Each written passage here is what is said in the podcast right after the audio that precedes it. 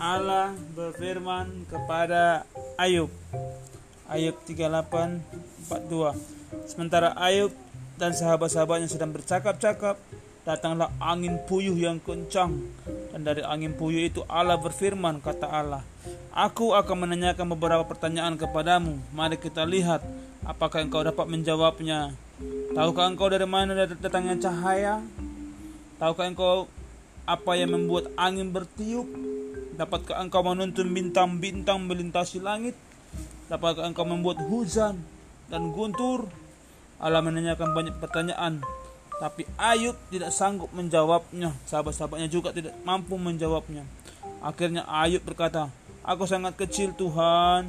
Aku tidak sanggup menjawab Allah. Allah maha besar. Ia dapat melakukan segala hal. Ia ajaib dan aku tidak mampu memahaminya. Dan Ayub menundukkan kepalanya di hadapan Allah. Setelah itu Allah membuat Ayub menjadi orang yang kaya lagi. Ia membuat Ayub lebih kaya dari sebelumnya.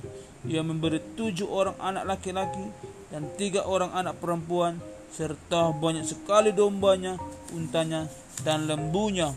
Allah memberkati Ayub karena Ayub mempercayainya bahkan tak kala kesusahan datang menerpanya. Amin.